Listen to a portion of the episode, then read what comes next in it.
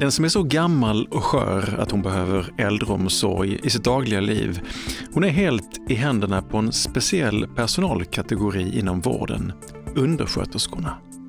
Det här avsnittet av Etikpodden från Region Skånes etiska råd handlar om undersköterskan som med sina händer ska ta om hand, tvätta, mata, lyfta, vända, kamma och också sköta den kroppsliga omvårdnad som vi under resten av livet sällan bett någon annan göra åt oss.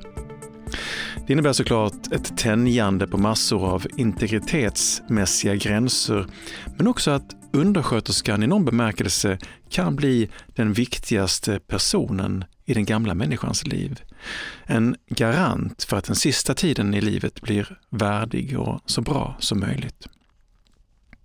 Men vad innebär värdighet i äldrevården och hur skapas förutsättningar för att undersköterskan ska kunna göra sitt jobb ordentligt?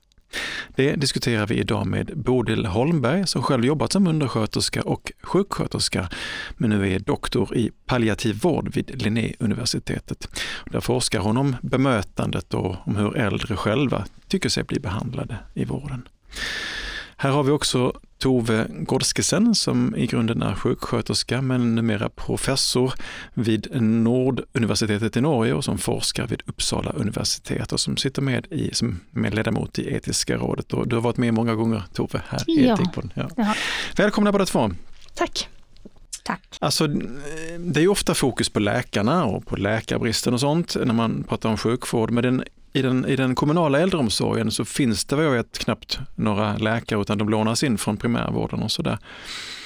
Eh, istället så är det undersköterskorna som bär upp den här omsorgen av, av gamla människor och det är en väldig massa olika saker som en undersköterska ska kunna.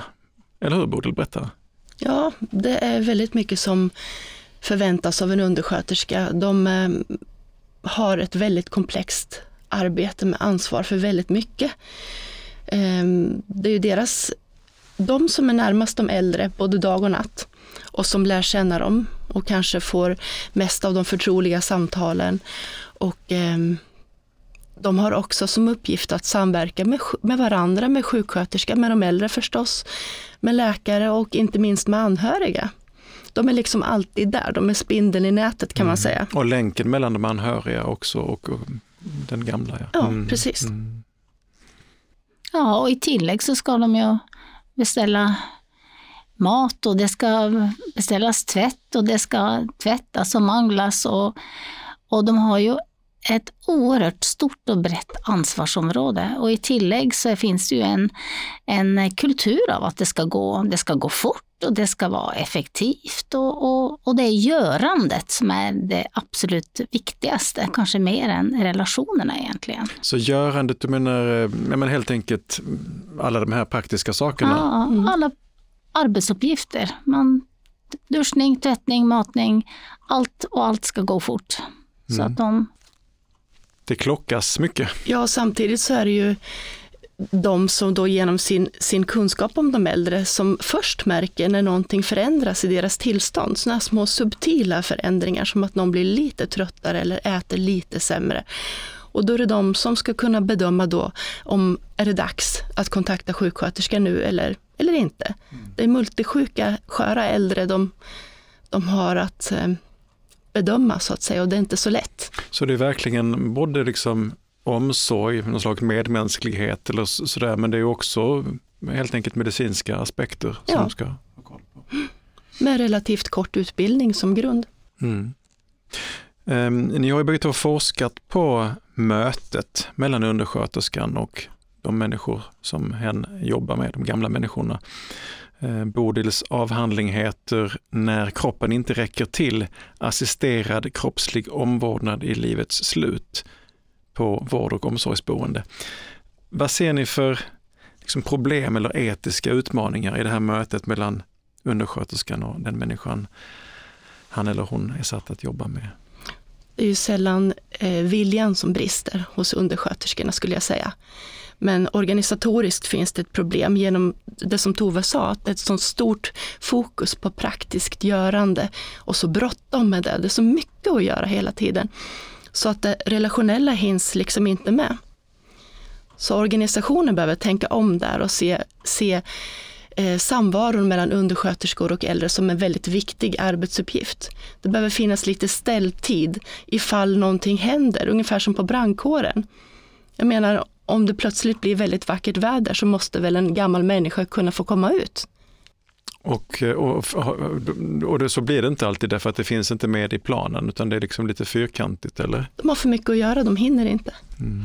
Och vi har ju sett i vår forskning att när de är, vi, ett exempel var att en privatperson som hade en elcykel och en kärra tog med sig de äldre på en cykeltur. Och det här betyder oerhört mycket för de äldre. De uppskattade så mycket. Och en äldre dam eh, där sa att hon kunde inte ens komma ihåg senast hon var ute. Så att det här är ju saker som, som inte hinns med idag och, eh, eh, och behöver ägnas mer uppmärksamhet. Det är oerhört viktigt. Tidsbristen och att allting ska mätas och dokumenteras och fyllas i och hållas på med, det, det är ju liksom någonting som plågar människor inom sjukvården rätt så generellt. Eh, men just när det gäller undersköterskornas arbete, har det tajtats till efterhand under åren? Ni har ju jobbat, du har ju själv jobbat i vården som undersköterska, Bodil. Ja, det beror väl främst på att de äldre är väldigt mycket sjukare mm. än när jag började 94. Då gick de in över tröskeln med egen käpp. Men idag så är det ju många som dör inom ett år. Inom ett år har ungefär hälften dött statistiskt sett. Så det är mycket mer palliativ vård och det är naturligtvis mer resurskrävande. Så det är egentligen ett annat jobb som undersköterskorna gör idag än vad du gjorde för 25 år sedan? Eller någonting. Ja, det är mer fokus på hälso och sjukvård än på sociala insatser skulle jag säga. Mm. Mm. Absolut. Och det vi också har sett är att de äldre anpassar sig mycket till, till den vård och den kultur som finns. Att de inte kanske begär, de kanske begär att de vill ha kort hår för att det inte ska ta för lång tid att fixa till det. Och, eller att man går och lägger sig jättetidigt trots att man kanske inte hade egentligen önskat det. Men att de anpassar sig och, för att det är, det är för mycket att göra för dem. Mm.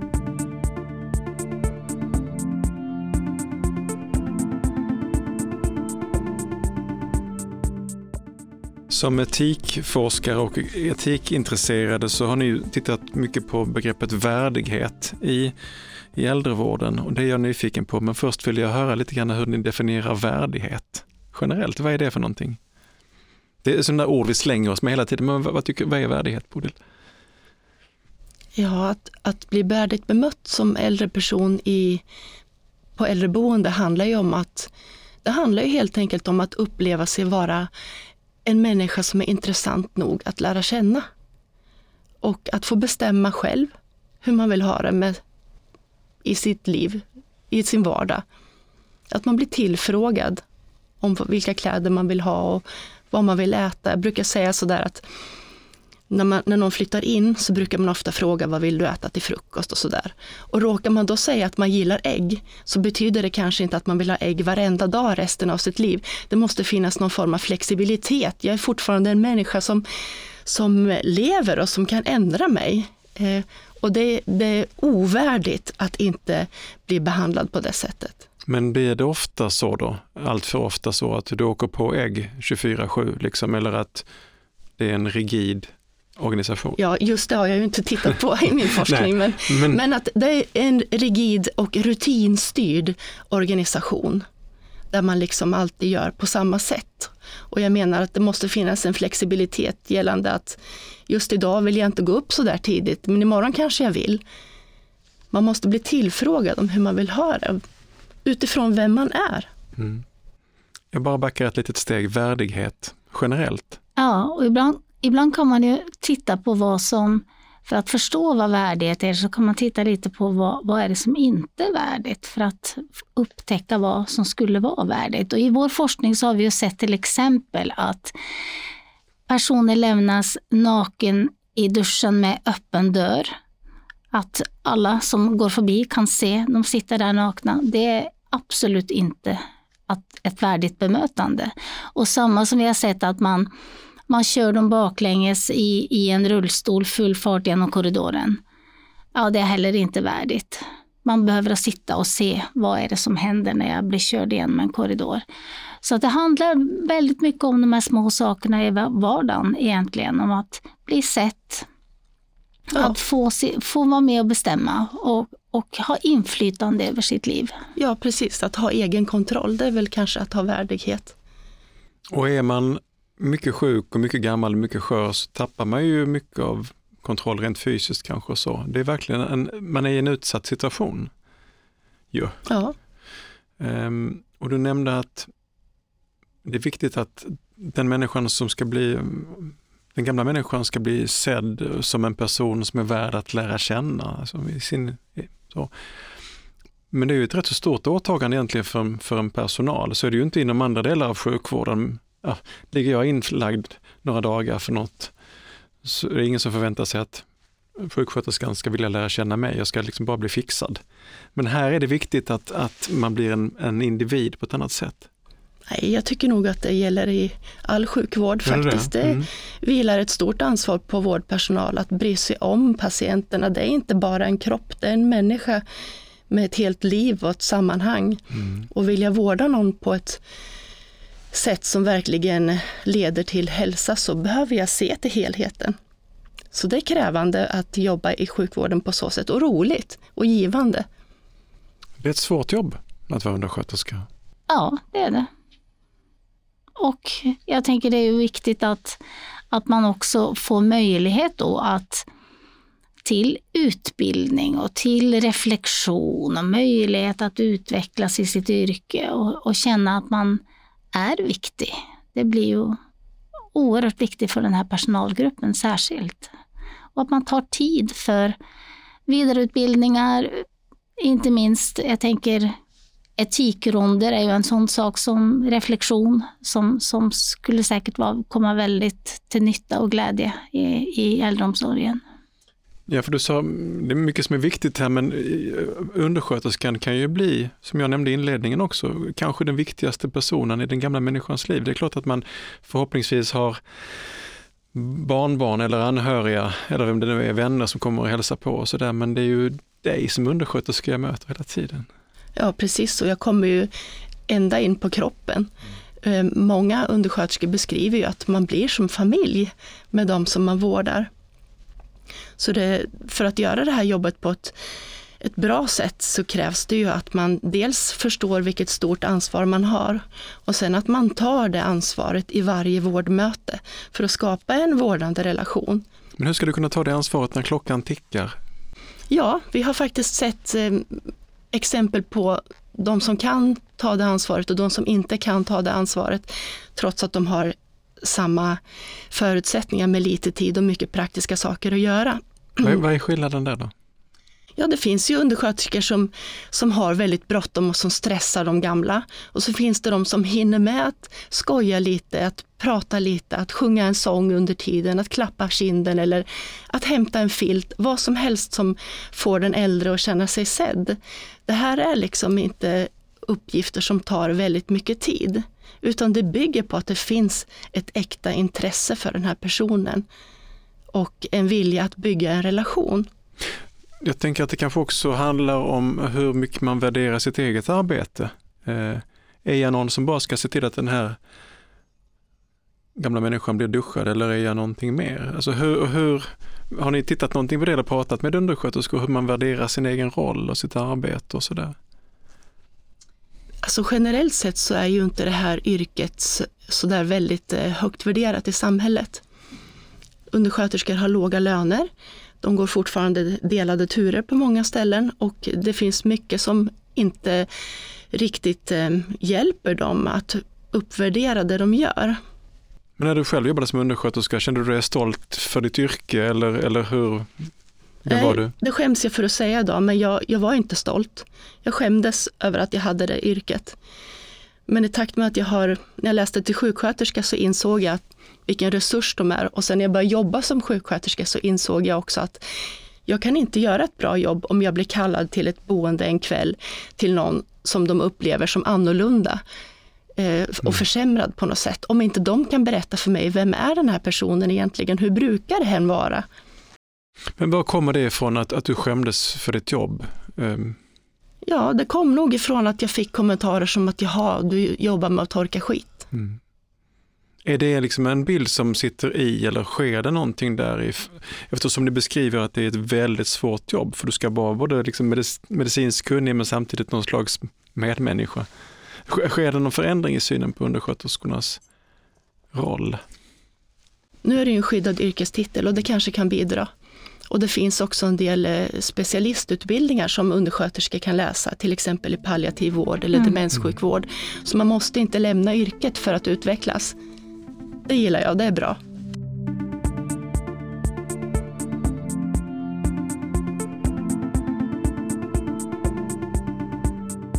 Hörrni, eh, nu, nu pratar vi liksom lite grann utifrån eh, undersköterskans roll, hans eller hennes glasögon. Liksom. Men ni har också pratat med många gamla människor i er forskning.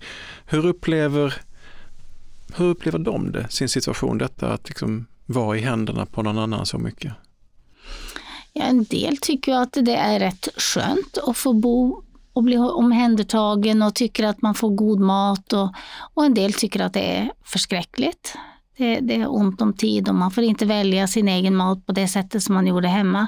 Så jag tror att det är väldigt delad och det är nog en del av vart någon, var någonstans man bor också. Så att... Mm. Men man kommer in där man har levt ett långt liv förhoppningsvis och i, i, i många ögon generaliserar jag, men så, när man blir gammal på det sättet så är man liksom inte, man är en gamling liksom, men man är någon som ska tas om hand det är en del av ens identitet och personlighet som, som glöms bort. Mm.